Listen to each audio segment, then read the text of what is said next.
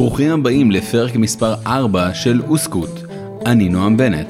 אני מרצה וחוקר עצמאי בתחום הקריקטורות במזרח התיכון, מופיע מעת לעת בערוצי טלוויזיה בנושא. במשך למעלה מעשור אני מלמד ועורך ספרי לימוד בתחום המזרח התיכון וחותם מדי יום את התיוג היום המזרח התיכון. אחרי שבפרק הבכורה התעסקנו בהתפתחות הג'יהאד, בפרק השני בטורקיה, בפרק זה אשוחח עם שרית זהבי, מייסדת מרכז עלמה, נדבר איתה על האם ישראל מוכנה למלחמה נוספת בצפון, מה עושה בעצם מרכז עלמה, ומה התגובה שלה לאיום של חסן נסראללה, מזכ"ל חיזבאללה, על המרכז. יאללה, בואו נתחיל.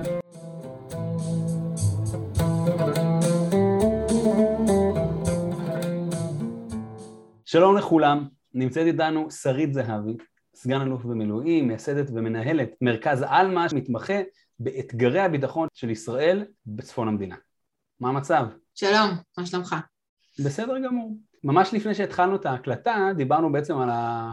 איך את מרגישה קשורה באמת אה, לא רק לצפון, המזרח התיכון בכלל, אה, ככה לאורך, ה... לאורך השנים.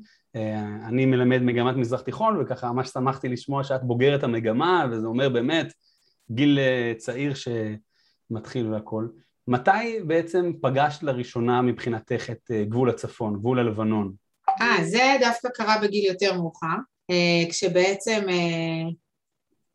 מי שהיה אז בן זוגי קיבל עבודה בצפון, ואני ביקשתי, הייתי, שירתתי בקריה, במודיעין, חטיבת המחקר, וביקשתי לעבור לצפון, ואז הוצבתי בפיקוד צפון, ובעצם שם במודיעין, בענף לבנון, וזהו, ומשם הפכתי לבת הגליל, נקרא לזה ככה. וואו, אני מתרגש מחדש כי אני גם בוגר מודיעין פיקוד צפון, אבל כנראה בתקופה קצת אחרת, אני צעיר יותר, אני שירתתי ממש ככה קצת אחרי היציאה מלבנון, אבל uh, תמיד, uh, תמיד uh, מגניב אותי איך דברים uh, מתחברים.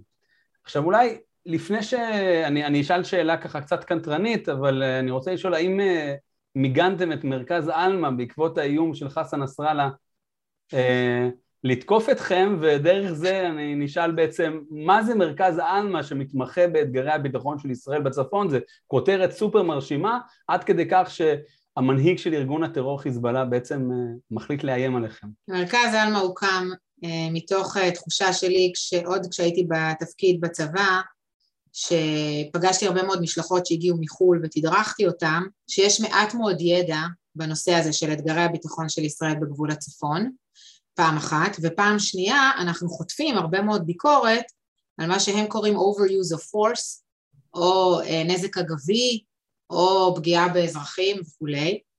אה, נושאים שבאמת אה, אנחנו כישראלים מכירים אותם טוב מאוד, גם מהמבצעים בעזה וגם מהלחימה בלבנון. ואני הרגשתי שיש באמת חוסר ידע, חוסר הבנה טוטאלי בחו"ל לנושאים האלה, וכשאנשים מגיעים לכאן, לישראל, או בכלל, אה, שואלים את השאלה על ביטחון המזרח התיכון, יציבות המזרח התיכון, אה, ביטחון אה, ישראל, כולם מתעסקים בפלסטינים. ואז גם, גם בגלל שאני גרה פה עכשיו, אני גרה לא רחוק, אני גרה בכפר ורדים, אז במושגים ישראלים זה לא כזה קרוב לגבול, אבל במושגים של חו"ל זה ממש קרוב, זה כמה קילומטרים, 11 קילומטר. אמרתי, אני רוצה לספר את הסיפור האחר הזה, לא את הסיפור הפלסטיני, זה לא, בעיניי זה לא הסיפור, יש פה סיפור אחר הרבה יותר גדול, שהרבה מאוד אנשים נהרגים בו במזרח התיכון אה, בגלל, בגלל דברים שקורים, שהם לא קשורים לישראל, אבל מאוד משפיעים עלינו בגבול הצפון. בעצם אפשר להגיד שזה אסלאם רדיקלי, פעם זה היה דאעש אה, ואיראן וחיזבאללה, היום זה בעיקר איראן וחיזבאללה, אבל זה בעצם הסיפור, הסיפור היה להנגיש ידע באנגלית לאנשים מעבר לים, כמו שאמרת גם אתה, לגרום להם לשאול שאלות, לערער להם קצת את התפיסות שהם באים איתם ולגרום להם להטיל ספק, אה, ולהרחיב את, ה, את התפיסה שלהם לגבי מה זה יציבות מזרח תיכון ומה זה ביטחון מדינת ישראל. אז אני אשאל ככה בתמימות, את קמה בבוקר, פותחת את הדלת של אלמן, פוגשת קבוצה מרשימה של אה, עובדים איתך, מה, מה קורה ביום יום? מה, מה, מה עושים בעצם? מול מי מדברים? קבוצה קטנה וצנועה של עובדים איתי. בעצם אה, הפעילות מתחלקת לשניים ואחד קשור בשני. הפעילות המחקרית, זו שעצבנה את חיזבאללה, זה בעצם חשיפה של מה שחיזבאללה והאיראנים עושים בגבול שלנו, ולפעמים גם קצת אה, למעלה מכך, נגיד בביירות, חשפנו את השימוש שחיזבאללה עושה בלבנונים כמגינים אנושיים בביירות, חשפנו רשת מנהרות של חיזבאללה באזור מזרחית לצידון, את הפעילות האיראנית בדרום סוריה, את הפריסה של חיזבאללה בדרום סוריה. אז זה פעם אחת מחקר, שזה כל התהליך המחקרי. זאת אומרת, החל מאיסוף החומר, ממקורות בערבית, ממגוון מקורות בערבית ובכל מיני דרכים, אחר כך העיבוד שלו לדוחות, המעטפת של הקומיוניקציה, כלומר באמת איזושהי מעטפת גרפית וויזואלית, ובסוף הפרסום של כל הדבר הזה באתר שלנו וברשתות החברתיות.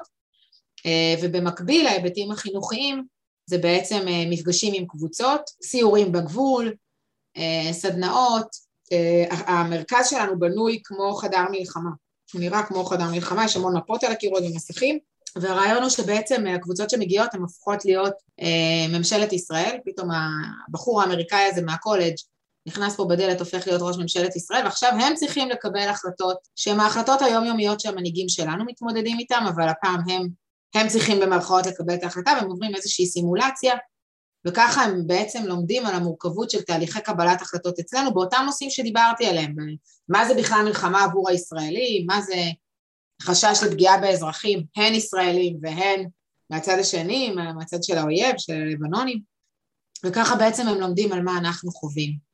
אז זה גם פעילויות חינוכיות וגם פעילויות מחקריות, אנחנו מתעסקים בשניהם.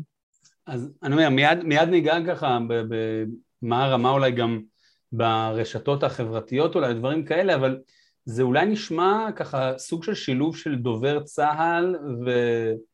וענף לבנון, כאילו, אני, אני כאילו שואל את זהירות, כאילו, זה אני אומר, אני, אני, אני, אני חוזר לימים שלי ואני אומר לעצמי, מה היינו צריכים, כן, עם כל הצנזורה והכל, אבל היינו צריכים לדעת דברים ב, על החיזבאללה ומה הוא עושה וככה וככה, והיינו מעבירים את זה הלאה, מי זה לכיוון התרעתי, מי זה לכיוון של דברים נוספים כמובן, והכל, ואת בעצם באה ואומרת, תקשיבו, אתם פיקוד צפון תעשו את העבודה שלכם, או זירת צפון בקריה, תעשו את העבודה שלכם, כל הכבוד, אבל אנחנו עושים בעצם, אני שואל, כן?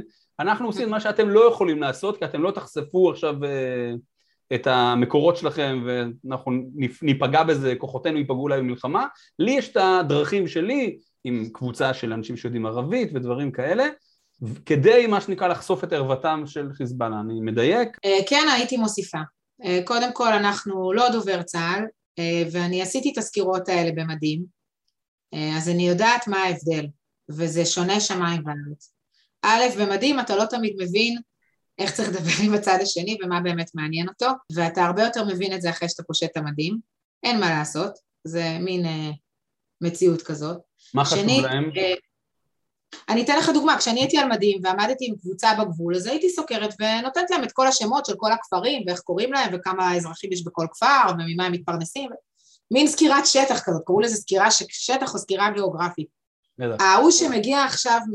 לא יודעת מה, טקסס, ועומד לי עכשיו בגבול, זה באמת לא מעניין אותו, כאילו, הוא באמת לא יזכור שם של אף כפר, הוא עכשיו, למרות שהוא עומד בגדר, הוא רוצה שתתני לו את ה-20-30 אלף רגל, את הביג פיקצ'ר, תסבירי לו את ההיגיון הפעולה של מה שקורה כאן, ומה בעצם הוא לא יכול לראות, הוא רואה בתים ועצים, זה מה שהוא רואה. עכשיו תסבירי לו מה זה הבתים ומה זה העצים. וזה משהו שלא תמיד, אה, אני לא הייתי בדובר צה"ל, הייתי במודיעין, אז, אז קציני מודיעין שפוגשים את המשלחות לא תמיד יודעים. אה, יותר מכך, אה, העובדה שאני מכון עצמאי, ואני מכון עצמאי, כלומר אני לא מקבלת מידע מצה"ל, אנחנו אוספים את המידע בעצמנו, אנחנו כמובן מעבירים צנזורה, זה מאוד מאוד חשוב לנו, אבל העובדה שאנחנו מכון עצמאי מאפשרת לנו לדבר בחופשיות. אם, אם עכשיו בא עיתונאי ושואל אותי על ה-Nuclear Deal, ההסכם הגרעין עם איראן, אני יכולה לענות לו בחופשיות מה אני חושבת על הדבר הזה ומה דעתי. מה שלובשי המדים לא תמיד יכולים לעשות, וזה מאוד תלוי בתפקיד שלהם ובדרגה שלהם ובבן אדם שעומד מולם. אני יכולה להגיד את הדעה שלי. רק נסביר, אני אומר ככה נזכיר, כי כמובן אה, בישראל כמדינה דמוקרטית, הדרג המדיני בסופו של דבר אה, מחליט על הצהרות בדברים אה, האלה, וחייל, כמה שיהיה בכיר, זה מורכב יותר להסביר את דעתו על ההסכם, ולאזרח כמובן זה יותר קל. אני, אני אתן לך דוגמה משבוע שעבר, היה לי וובינר עם אנשי משרד החוץ, הם הציגו עמדה מסוימת על יוניפיל, אה, ואני הצגתי עמדה אחרת, וזה בסדר גמור, זאת אומרת, שנינו יש לנו ביקורת מאוד מאוד גדולה על יוניפין, אבל, אבל כל אחד הציג את ה, מה צריך לעשות הלאה בצורה אחרת, משהו שלא יכולתי לעשות כשהייתי גוף רשמי, אני לא גוף רשמי, יש לי את הדעות שלי, את הפרשנות שלי למציאות, והיום אני יכולה להגיד אותה כמו שאני רואה. מן העבר השני, מרכז עלמה הוקם כדי לעשות משהו טוב למדינת ישראל. מהיום הראשון שפתחתי פה את המכון, הדבר הראשון שהכנסתי כאן בריהוט זה דגלי ישראל. יש פה דגלי ישראל שנמצאים פה במכון. אנחנו רואים הם לא ברקע מאחורייך כמובן. נכון. שאף אחד לא יתבלבל אה, ולא יחשוב שיש לי איזו מטרה אה, נסתרת או אני לא יודעת מה. זו המטרה שלי, אני רוצה לעשות משהו טוב למדינת ישראל ואני חושבת שדווקא בגלל שאני מכון עצמאי, יש לי אה, יותר קרדיט במקומות, בכל מיני מכוני מחקר לצורך העניין, אני יכולה לנהל איתם שיח, לא ממקום של הצבא והצבא אמר לי להגיד. עכשיו אגב זה לא תמיד קל, כי לפעמים כמו שאמרת הבאנו פה מידע, וואלה אף אחד לא חשף אותו, ובאים אליי עמיתים שלי ממכוני מחקר בחו"ל ואומרים לי נו שרית בחייאת רבאק, לא את, לא, לא קיבלת את זה מצה"ל? אני אומרת להם לא בחיי לא קיבלתי את זה מצה"ל, הלכנו חיפשנו מצאנו ניתחנו ופרסמנו לא קיבלנו את זה מצה"ל, אבל בסדר אנחנו מאמינים במה שאנחנו עושים זה, אני אומר, זה, זה מדהים בכלל, כל uh, המידע הגלוי שאנחנו לא שמים לב שנמצא מתחת לאף שלנו. סתם אני אחדד לטובת הסקרנים שלא מכירים את הביטוי, יוניפיל uh, זה כמובן כוח בינלאומי שנמצא בלבנון. תחדדי אותי מאיזה שנה, אני, אני רוצה להגיד... 78. כאילו... זהו, כן. וב-2006 המנדט, אחרי המלחמה בעצם, המנדט שלו התחזק והכוח הזה הוגדל משמעותית, היום הוא מונה עשרת אלפים חיילים בדרום לבנון.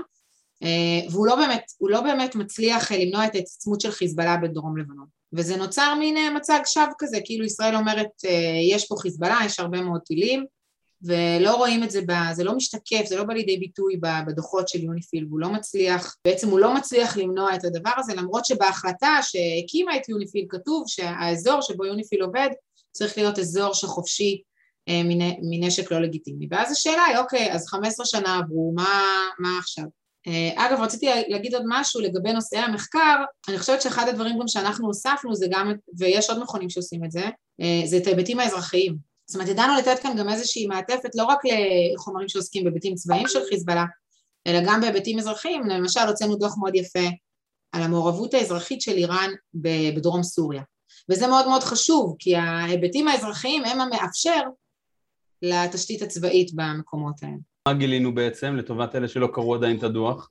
שמודל דרום לבנון הולך ומועתק למוד, למודל דרום סוריה, אה, עם אתגר קצת אחר עבור האיראנים, מכיוון שבדרום לבנון יש שיעים, זה הבסיס תמיכה היותר טבעי, פחות צריך להשקיע, בדרום סוריה זה סונים, אבל אנחנו רואים uh, עבודה של uh, לקחת מבנים ולהפוך אותם לחסניות, חסניות זה כמו הישיבות, מרכזים הדתיים של השיעים, אה, לקחת אה, מסגדים סונים ולהפוך אותם למסגדים שיעים, אנחנו רואים אה, תמיכה באמצעים הומניטריים, כשבעצם התמיכה מוכוונת לכאלה שמביעים נאמנות למשמרות המהפכה האיראנים, אנחנו רואים הקמה של אגודות אזרחיות, שלאגודות האזרחיות האלה יש גם מיליציות צבאיות, זה אותו בן אדם שהוא עובד פה ועובד פה, ובעצם השתלטות לאט לאט בכל מיני דרכים אה, כמעט מלמטה על האזור הזה שנקרא דרום סוריה, אזור רמת הגולן הסורית. אגב, זה לא רק בדרום סוריה, אנחנו פשוט התעמקנו בדרום סוריה, זה קורה גם באזורים אחרים בסוריה,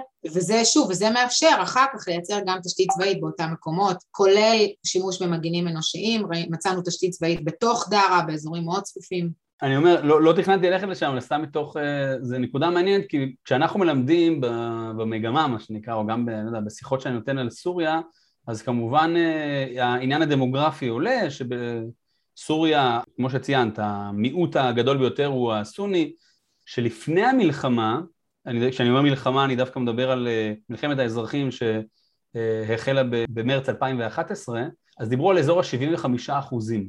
ואת מדברת פה על תהליך שאוהבים לכנות אותו כתשיו, כן? הפיכת אה, אזור מסוני לשיעי. יש מספרים שיש לכם על עניינים אה, דמוגרפיים?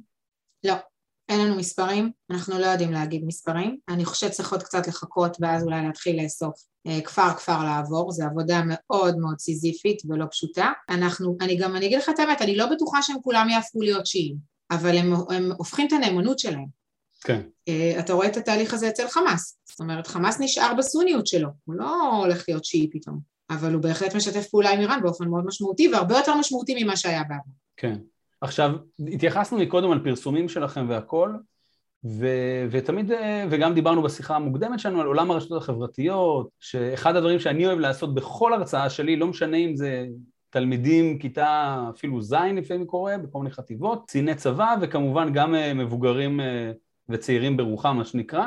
אני תמיד אוהב, אה, אני אומר לכולם, נא להרים יד, מי שמשתמש בוואטסאפ לפחות פעם ביום, יוטיוב, אינסטגרם, עד הטיק טוק, ותמיד ההנאה הגדולה שלי היא לא רק מה שהם עונים, אלא אם יש מפקדים או רכזים או מדריכים או מורים שהם מופתעים מכך שהם לא מעודכנים מה החבר'ה, מה מעניין אותם.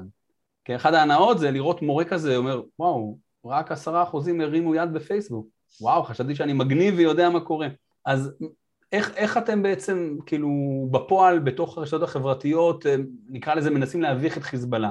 קודם כל, אנחנו לא מתכוונים להביך את חיזבאללה. אנחנו, השליחות שלנו היא לחשוף את מה שחיזבאללה עושה בחוץ לארץ, על הדרך יצא שהוא קורא את מה שאנחנו עושים וזה מביך אותו, אה, ובדרך גם הבכנו עוד כמה גורמים, אה, בלי להתכוון, אבל אה, השאלה שלך... גור, גורמים זה אומר גורמים שחברים שלנו או גורמים עולמיים? לא, לא, עולמיים, עולמיים. אה, אוקיי, בסדר. היום הוצאנו דוח, פשוט יצא ככה במקרה, היה בפיד של חברת קונגרס אמריקאית בשם רשידה טליב. באמת, אני מניחה שהתכוונה לעשות טוב. היא רצתה לשתף אה, ציוץ של מישהו שמעודד לתרום ללבנונים, ואז סתם במקרה הסתכלתי, במקרה זה קפץ לי, והכתובת היא בית אל-מעל. מי שמכיר את חיזבאללה יודע שבית אל-מעל זה אחד מהמוסדות הפיננסיים של חיזבאללה, אנחנו מכירים את זה הרבה שנים, אבל הוא קצת נעלם מהרדאר mm-hmm. בשנים האחרונות. אה, ואז התחלנו לחפש, וגילינו שהבית אל-מעל הזה זה לא אותו בית אל-מעל של חיזבאללה, אבל זה גם כן בית אל-מעל שתומך בטרור, רק הפעם של חמאס. והוצאנו אה, על זה דוח היום, אה, שזה באמת לא בתחום המחקר הרגיל שלנו, ובגלל שזה קפץ והתחלנו להתעסק, ושוב, יש לנו כלי עבודה טובים כאן, אז הוצאנו את הדוח הזה, זה סתם דוגמה.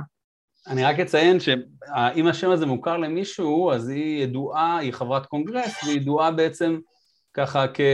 אני לא יודע אם נרחיק עד אה, גישה אנטי-ישראלית, אבל בוודאי אה, תומכת גדולה של BDS, היא מהקבוצה הזאת של החברות קונגרס הצעירות, שככה, מה שאוהבים להגיד, היום כבר אין שמאלנים, יש רק פרוגרסיבים הרי. אה, אז היא ככה מהחבורה הזאת. אז, אז לשאלתך על הרשתות החברתיות, שזה באמת עולם שלא פשוט לפצח אותו, אנחנו מבינים שכל רשת היא לקהלים אחרים. בסופו של דבר במרכז עלמה ההחלטה אה, הייתה, אגב סביב הקורונה היא, התחזקה מאוד, ללכת בעיקר על הטוויטר, למרות שיש, הכל מתפרסם גם בלינקדאין וגם בפייסבוק, אבל הכי הכי מתפרסם בטוויטר. אנחנו מקווים שאחרי החגים אנחנו פה עם הכוח אדם אה, נצא לדרך ונצליח לעשות משהו הרבה יותר מעמיק גם באינסטגרם. יש היום חשבון אינסטגרם אבל הוא לא מספיק, אנחנו נצא לדרך ונוכל גם לעסוק באינסטגרם וטיק טוק ואני קוראת מפה לילדים שרוצים לעשות מעורבות חברתית אה, אתם, ויש להם אנגלית מעולה, מעוניינים ליצור איתנו קשר ויכול להיות שתוכלו להתאים לפרויקט הזה. וואו, אני, אני ברשותך אקח את זה גם ל, לכל התלמידים, כן? לא, דיברנו אז על קבוצות המגמה, אני, אני חושב שזה יכול להיות מדהים, פרזנטור בין, אה, דיברנו על 15, 16, 17 שיש לו מודעות אה, והכל, זה נשמע לי מגניב לגמרי. עכשיו, שני הנושאים שככה נשארו לנו זה אחד מהעבר ואחד מההווה, אבל הם בעצם אותה שאלה. אנחנו עכשיו נמצאים 15 שנים למלחמת לבנון השנייה. נשאל את השאלה ככה, א', האם למדנו את הלקח? אנחנו מדינת ישראל, אנחנו צה"ל, אנחנו החברה הישראלית, ו- ומה בעצם השתנה בחיזבאללה? כלומר, טוב, אני לא רוצה לקפוץ כבר לשאלה הבאה, אבל כאילו, האם אנחנו, האם זה אותו חיזבאללה שאנחנו מכירים, או שאנחנו בעצם זה דמות אחרת לגמרי. אחרת לגמרי. האם, האם זה וריאנט של חיזבאללה? זה לא הדלתא, זה ה-X. תחשבו כאילו, בסדר? אה, אבל נתחיל מהשאלה הראשונה. אה, מההיכרות שלי, אני לא במערכת הצבאית כבר כמה שנים, אבל מההיכרות שלי עם המערכת הצבאית אין ספק שלקחים נלמדו, וצה"ל הלך אה, כברת דרך ארוכה מאוד בכניסה למאה ה-21, בהמון המון היבטים. אה, אם זה מודיעינים ואם זה מבצעים, אה, אז אני מאמינה שכן. Having said that, אני חושבת שיש ציפייה בקרב התקשורת, אני לא יודעת אם בקרב החברה, אבל בקרב התקשורת בטוח, שכל אה, סיטואציה שבה נהרגים חיילים זה מחדל. אני מצטערת להגיד את זה כישראלית, כן? אבל במלחמה נהרגים חיילים. כאילו, אין מה לעשות, אין דרך לברוח מהדבר הזה. זהו. עכשיו, אם רוצים לנצח את חיזבאללה, אה, צריך להבין את זה.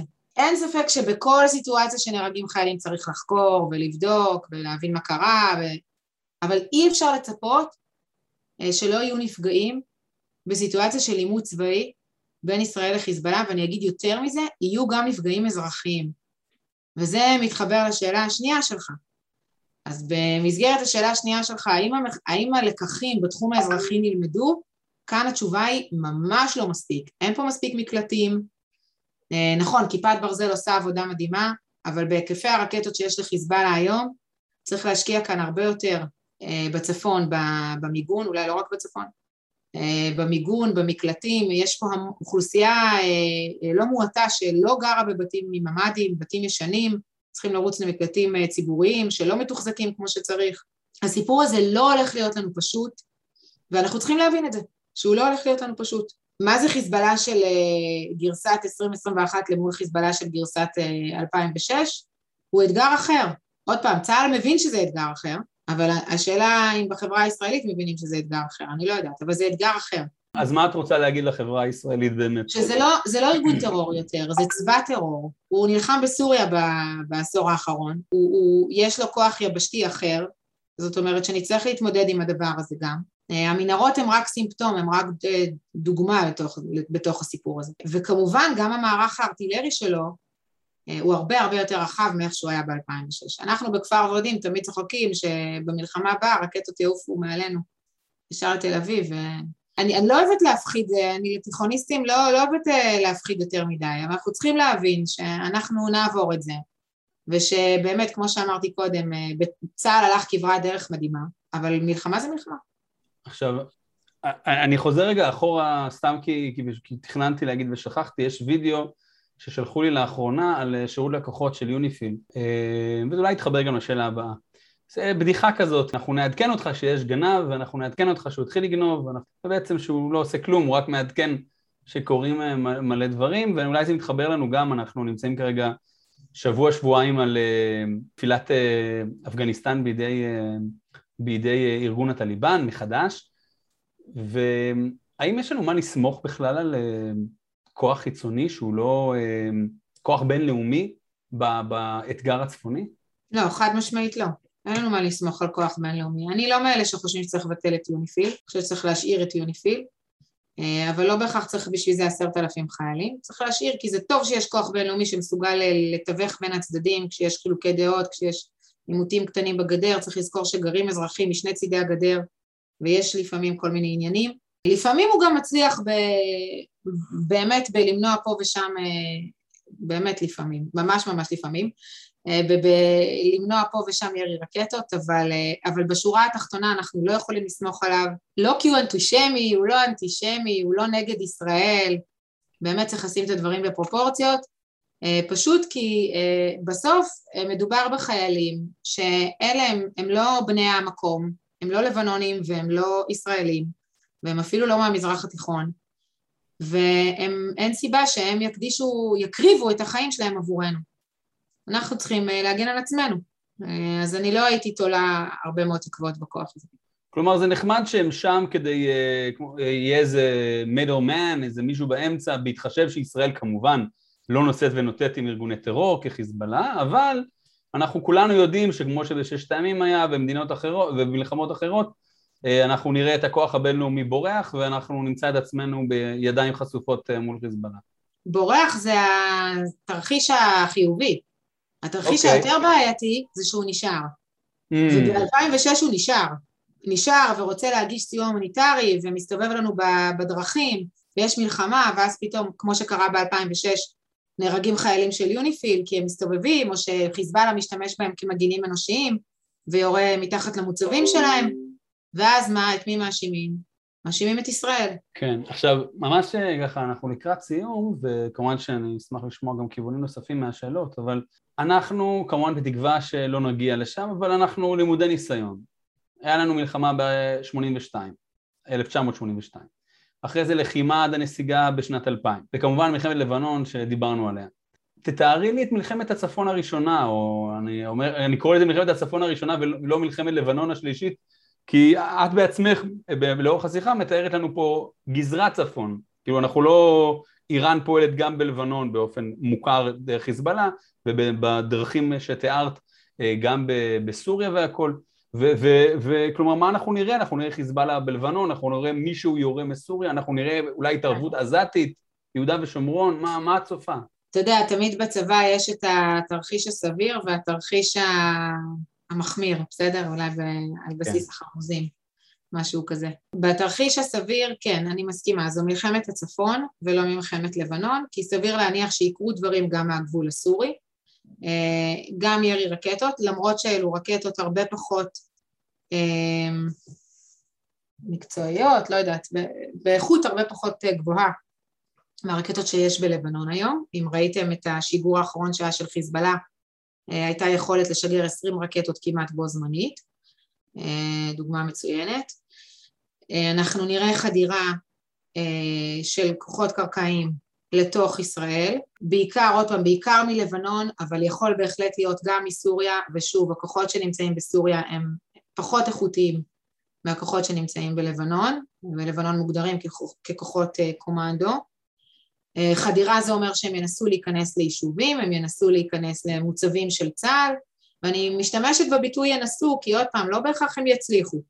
כי מה שאני יודעת, כמו שזה, גם צה"ל כנראה גם יודע ומפתח את היכולות להתמודד.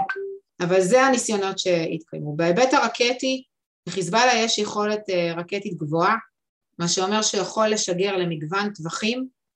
אה, אחוז מאוד גבוה של הרקטות יכול להגיע אה, זאת אומרת, הרקטות מכסות כמעט את כל מדינת ישראל, אבל אחוז גבוה, הרוב, מגיעות עד, אני לא יודעת, חדרה, נתניה, אולי אפילו דרומה מכך, ויש לה יכולת לשגר מטחים. ראינו את זה בשומר חומות מחמאס, גם בחיזבאללה יש יכולת כזאת לשגר מטחים וגם מכמה מקומות בו זמנית. אה, והדבר הנוסף הוא שאנחנו לא יודעים כמה רקטות מדויקות יש לחיזבאללה, אבל אנחנו מבינים שיש לו קצת. לא הרבה כנראה.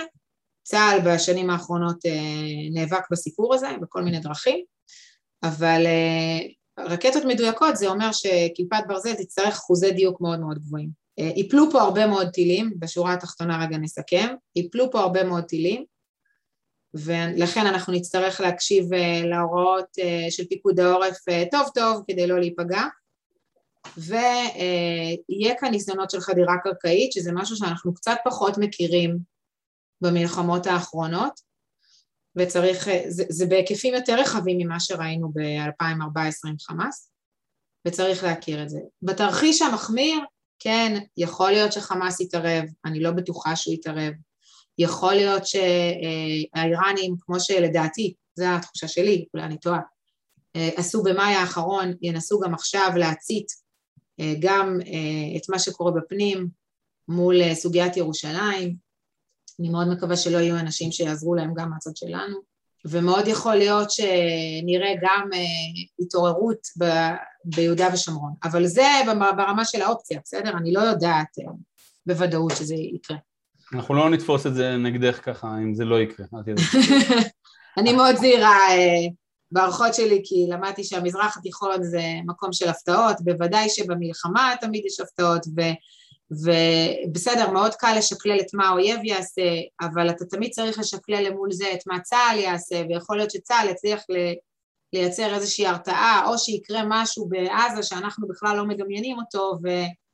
אפשר יהיה למנוע מחמאס מלהתערב. בקיצור, יש כאן עוד המון המון גורמים שיכולים להשפיע אה, על התהליכי קבלת החלטות גם בחמאס, גם באיראן, אה, עד כמה רוצים לפתוח את המלחמה הזאת במגוון חזיתות.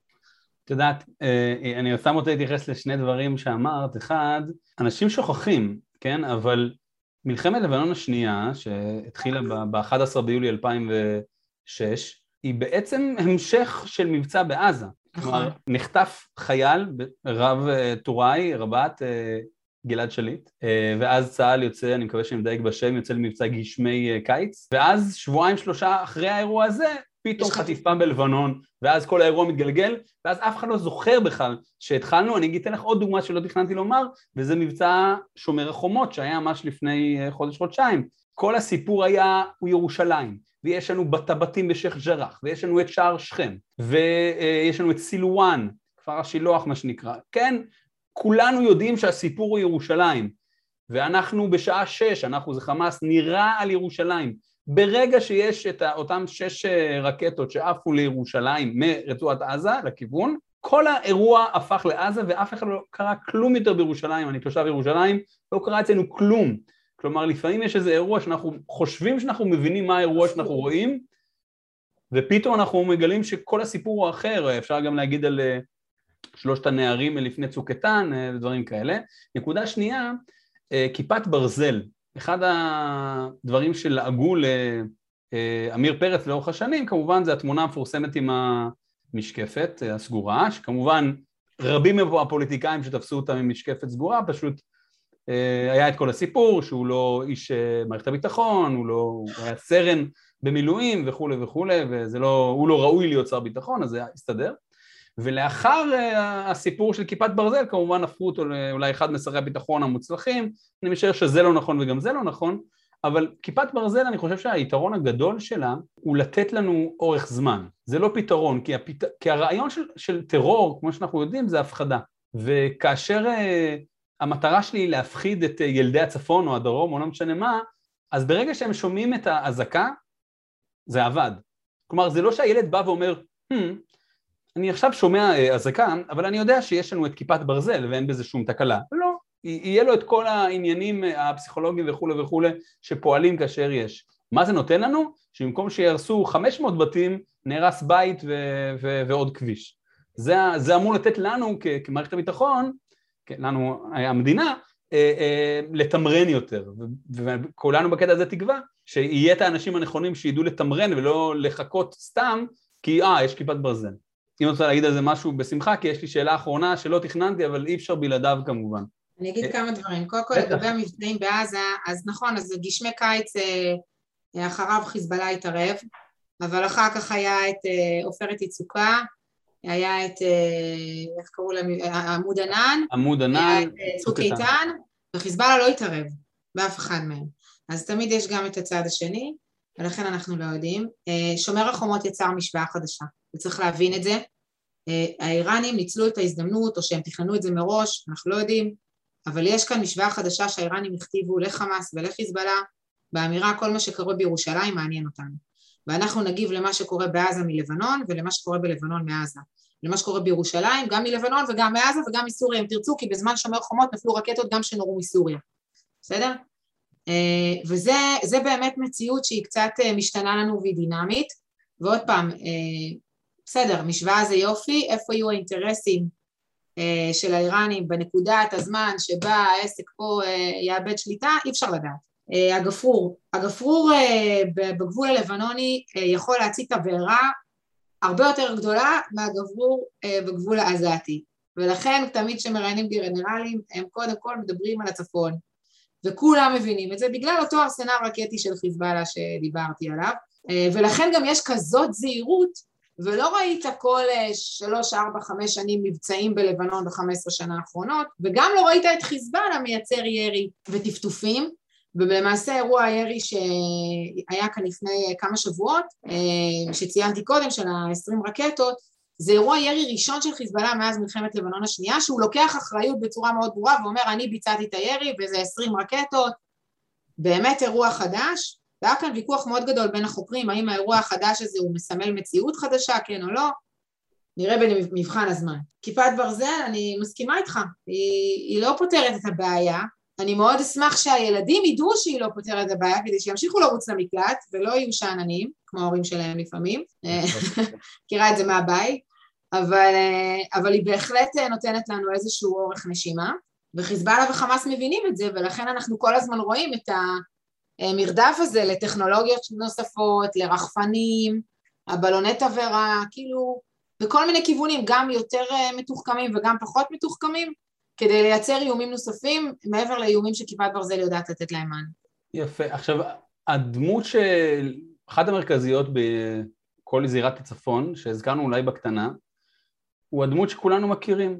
1992, ישראל רוצה לחטוף ובסוף מחסלת את מזכ"ל חיזבאללה, עבאס מוסאווי, ומתמנה בחור צעיר, לדעתי בן 25, חכם הלכה צעיר, שזה, שהמשפחה שלו מיוחסת לנביא מוחמד, יש לו היממה, אותו טורבן שחור, וקוראים לו חסן נסראללה. וחסן נסראללה בעצם ככה אט אט התקדם לא רק בדרגות אה, של חיזבאללה, כי הוא כבר מזכ"ל מ-92, אלא בעצם חסן נסראללה גם הכניס את הארגון לתוך הפוליטיקה הלבנונית, אה, קיבל אה, כבוד גדול כמדינה, כ- כארגון שבעצם עמד מול ישראל ושרד, אחת הדוגמאות שאני תמיד אוהב להביא בהרצאות שלי זה סצנה מהסרט רוקי בלבוע, שזה הרוקי השישי שאף אחד לא מכיר, שבו בעצם אומר אה, רוקי לבן שלו, שהשאלה היא לא כמה חזק אתה מכה, אלא כמה אתה חוטף ונשאר לעמוד ומתקדם קדימה. ואז אני אומר להם, עכשיו תדמיינו את אה, חיזבאללה בהקשר שלנו, חמאס בהקשר נגיד של צוק איתן ואירועים אחרים, אני לא אוהב את הביטוי סבבים, כי זה ככה קצת אה, לכבס את זה, וחמאס יוצא כמנצח למרות שחצי מהבתים שלו הרוסים, כי הוא אומר, כן, אני נעמדתי עכשיו נגד אחד. הצבאות הגדולים במזרח התיכון, אם לא הגדול שבהם, ואני עומד פה איתן. וחזרה לנסראללה, אז נסראללה בעצם 15 שנים, לפי הפרסומים, חי בבונקר. מה, מה המעמד שלו להבנתך? מעמד שלו גם אם זה לבנון, גם אם זה רשתות חברתיות, גם... כאילו אנחנו רואים אותו הרבה פעמים שהתקשורת הישראלית מפרסמת נאומים שלו או ראיונות שלו, מה, מה אנחנו למדנו על נסראללה ב-15 שנים האחרונות? אני, יש לי הערכה רבה אליו, אני אגיד לך את האמת. Uh, never underestimate your enemy. בהחלט. אני, עוד פעם, אני מניחה שלא כל החוקרים יסכימו איתי, וזה בסדר, אבל בעיניי לנסראללה הוא הביא הישג אדיר לחיזבאללה. מעבר לסוגיית השרידות, שאני מסכימה איתך שהארגונים האלה מבחינתם הם שרדו את המלחמה, אז הם ניצחו אותה. זה לא מעניין אותם בכלל המחיר שהעם שלהם שילם אה, על המלחמה הזאת, או אפילו המחיר שהם עצמם שילמו על המלחמה, וגם אם זה מעניין אותם, זה מעניין אותם עוד פעם באופן מאוד אינטרסנטי, כי הוא צריך את התמיכה של התושבים כדי להחביא שם את הרקטות, ולכן הוא לא רוצה שהתמיכה תיפגע, זה לא באמת שאכפת לו מחיי אדם. צריך לזכור את הדבר הזה, כי כאן באמת הלחימה היא אסימטרית, וכאן אני מאוד שמחה שלנו כן אכפת, ו... ואנחנו תמיד שואלים את השאלה הזאת, אז מהו המחיר אה, של הבסת חיזבאללה? נחזור לדמותו של נסראללה, אני לא חושבת שזה שהוא חי בבונקר אה, זה מה שפגע במעמד שלו, להפך, נסראללה היה מספיק חכם בעשרות שנים שהוא עומד בראשות אה, חיזבאללה להפוך אותו ממיליציה קטנה של כמה מאות אנשים ומי ששירת בלבנון בשנות ה-80, אולי אפילו קצת שנות ה-90, זה התדרוך שהוא קיבל. יש פה איזה מיליציה, קוראים לה חיזבאללה, היא עושה בעיות, אבל זה כמה מאות אנשים. לאט לאט לאט לאט לאט היא גדלה, היא כבר לא כמה מאות אנשים, והאמל"ח שיש ברשותה הוא אמל"ח אה, רב מאוד, אמרתי ארטילרי, והיכולת המקצועית של החיילים שלה היא גבוהה יחסית, אני מקווה שהיא לא גבוהה כמו שנדמה לנו אגב, אבל היא גבוהה יחסית למה שקורה פה, ויש לה ניסיון, ראינו את זה בסוריה מאוד מאוד יפה, מתאמנים באיראן, אבל בעיקר ההישג הוא לא רק הצבאי, בעיקר ההישג זה ההשתלטות על לבנון. והוא הצליח כמו תמנון אה, להיכנס למערכות האזרחיות במדינת לבנון, הלבנונים היום הם שבויים אה, בידיו של חיזבאללה. בין אם הם תומכים בו ובין אם הם מתנגדים לו, הם שבויים בידיו בכל היבט שאתה לא מסתכל עליו, אנרגיה, אה, מזון, תרופות, אה, ממשל, בתי משפט, ועדת החקירה לפיצוץ אם תרצה, ואפילו כשמסתכלים על ועדת החקירה הבינלאומית לרצח חרירי, על הטריבונל, אתה אומר, מה, מה, מה היה פה? כאילו, כבר אמרו שחיזבאללה אשם, בסוף אה, סימנו איזה שם אה, שכנראה לא קיים בכלל. אה, זה באמת, אותי זה כל פעם מדהים מחדש, אה, שחרירי בכלל היה מוכן לשבת איתם בממשלה אחרי שהם רצחו את אבא שלו. אה, שג'ונבלט התפייס איתם, שאאון התפייס איתם, אלו אנשים שבהיסטוריה שלהם הם לא, אה, ג'ונבלט מי שרצח את אבא שלו זה אסורי, אה, זה לא מובן מאליו, לנו זה לא מובן מאליו, אולי שם זה כן מובן מאליו, ובאמת נסראללה הצליח לעשות את זה, אני מניחה שהוא לא עשה את זה לבד, מורניה שכבר לא איתנו מאז 2008 עזר לו מאוד, אבל נסראללה הצליח לעשות את זה, ובאמת יש שאלה, ונשאלתי כבר את השאלה הזאת כמה פעמים, מה יקרה כשהוא ייעלם? בסדר? קורונה, לא קורונה. Uh, טוב, אז קודם כל לא מתים כל כך מהר. Uh, הוא יחסית צעיר, הוא ב-60 פלוס, וזאת שאלה. זאת שאלה מי, מי, מי יחליף אותו ועד כמה זה יעשה נזק לארגון, כי הארגון כל כך הצליח לבסס את עצמו בכל כך הרבה מערכות שלטון בתוך לבנון, uh, שאלה מאוד מאתגרת. עד כמה זה ימוטט את הארגון מבפנים. את בעצם אומרת שההיטמעות של חיזבאללה כל כך חזקה, שגם עם לכתו של נסראללה, לא כל כך מובן מאליו שהדבר תהיה פגיעה אנושה כמו שאנחנו אולי אנחנו הישראלים נצפה כי בעצם מה שנקרא מפקד טוב אה, אה, לא רק משאיר עתודות כן? מפקד טוב גם אה, הרוח שלו ממשיכה גם אחריו. אני לא יודעת, יכול מאוד להיות ש... ושוב, זה ככה, אני ככה עוסקת ב brainstorming איתך ובהערכות, כן. אבל יכול מאוד להיות שחיזבאללה ייחלש במובן של ארגון מאוד ריכוזי, עם שדרה פיקודית מאוד ברורה, ומערכות אה, שליטה מאוד מאוד ברורות, ויהפוך להיות משהו הרבה יותר אה, מבוזר ורעיוני כמעט. בהיבט הזה מאוד יכול להיות שהוא ייפגע, אה, אבל השאלה האם היכולת הצבאית תיפגע, הדברים שמטרידים אותנו כישראלים, אני לא יודעת, זאת באמת שאלה. כאילו, האם הלבנונים יצליחו לנצח, הלבנונים שמתנגדים לחיזבאללה, האם הם יצליחו לנצח את חיזבאללה בזכות לכתו של נסראללה? שאלה, שאלה פתוחה, אני מעדיפה להשאיר אותה פתוחה. אז, אז אחד, ה, אחד הנושאים שמדי פעם מפתיעים אותנו, שארגון הטרור חיזבאללה, אותו אחד שבאמת מפגע בנו בצפון וגם במקומות אחרים, הוא בעצם אה, אחד מארגוני הלבנות הכספים הגדולים ביותר בעולם. ו- ואני מבין ש- שעלמה גם אחרי זה עוקבים. מה, מה אנחנו מגלים וגם מה, מה הולך שם? קודם כל אנחנו בכלל לא מופתעים. סמים וטרור הולכים טוב ביחד בכל מקום בעולם. חיזבאללה לא המציא את הפטנט הזה. אוקיי. Okay. הוא, לא, הוא לא חתום עליו, זה קורה בטליבן. מי שתשאל את uh, האפגנים איך טליבן השתלט על uh, אפגניסטן, יגידו לך אותו דבר. זה אחלה הכנסה, כאילו, הכנסה לא חוקית, לא חייבת במס, ואפילו יש בזה המון כסף, אז למה לא? כן, סמים וטרור הולכים ביחד, והרבה פעמים זה שמבריח את הסמים הוא גם מבריח את האמל"ח. אז זה עובד מאוד יפה. ספציפית על חיזבאללה, בדיוק על שולחני, מונח דוח שאני מקווה שיפורסם מאוד בקרוב אה, בנושא של אה, מערך אה, הברחות הסמים של חיזבאללה מלבנון דרומה דרך סוריה לכיוון ירדן ומשם למפרץ. אני יודעת שלחיזבאללה יש לו מערך של הברחות סמים גם במקומות אחרים בעולם, למשל בדרום אמריקה, אבל אנחנו עשינו זום אין לאזור, לשכונה שלנו, דרך ירדן, זה מאוד מעניין, כי עוד פעם, זה מייצר תלות של האוכלוסייה הנרקוטית, זה אה, מייצר דרך נוספת לג'יהאד אפילו אם תרצה, כי אסור, אסור להם להשתמש בסמים, הם מציירים את עצמם החוצה כמי שנלחמים בהברחות הסמים פנימה לאוכלוסייה הלבנונית ולשים ולנוער ראשי וכולי, אבל מותר הלכתית להפיץ את הסמים לסונים, זה האויב, למה לא? אפשר להפיץ את זה לסעודיה, זה בסדר, או לירדנים. ברור שזה בסוף מגיע גם לתוך לבנון ופוגע גם בשיעים בתוך לבנון, אין מה לעשות. אה, אבל כן, זה אירוע מאוד מאוד מעניין, הנושא הזה של, ה, של הסמים, ואני אגיד לך אפילו יותר מזה.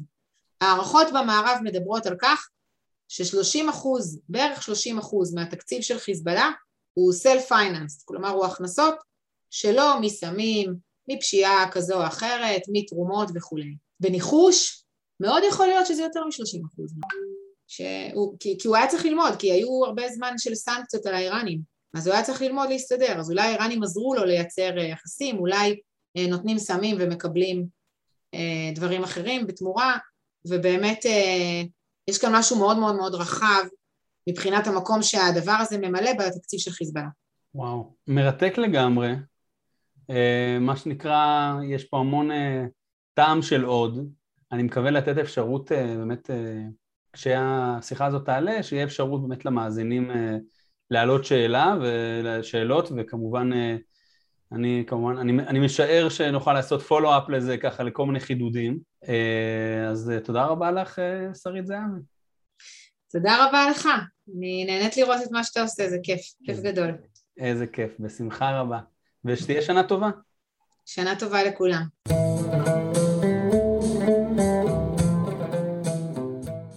האזנתם לפרק מספר 4 של אוסקוט, ההסכת פודקאסט של נועם בנט. כמובן שאם הגעתם עד לפה אני אשמח לשאלות, תגובות, חידודים, הערות על הפרק שהאזנתם, לא לשכוח לדרג את הפרק כדי שאנשים נוספים יוכלו להצטרף לקהילה הגדלה. הקטע המוזיקלי, לחן והפקה מוזיקלית, רמי זכאי, קלידים ראובן סגל, נגינה על עוד, רמי זכאי. שיהיה לכם אחלה של יום.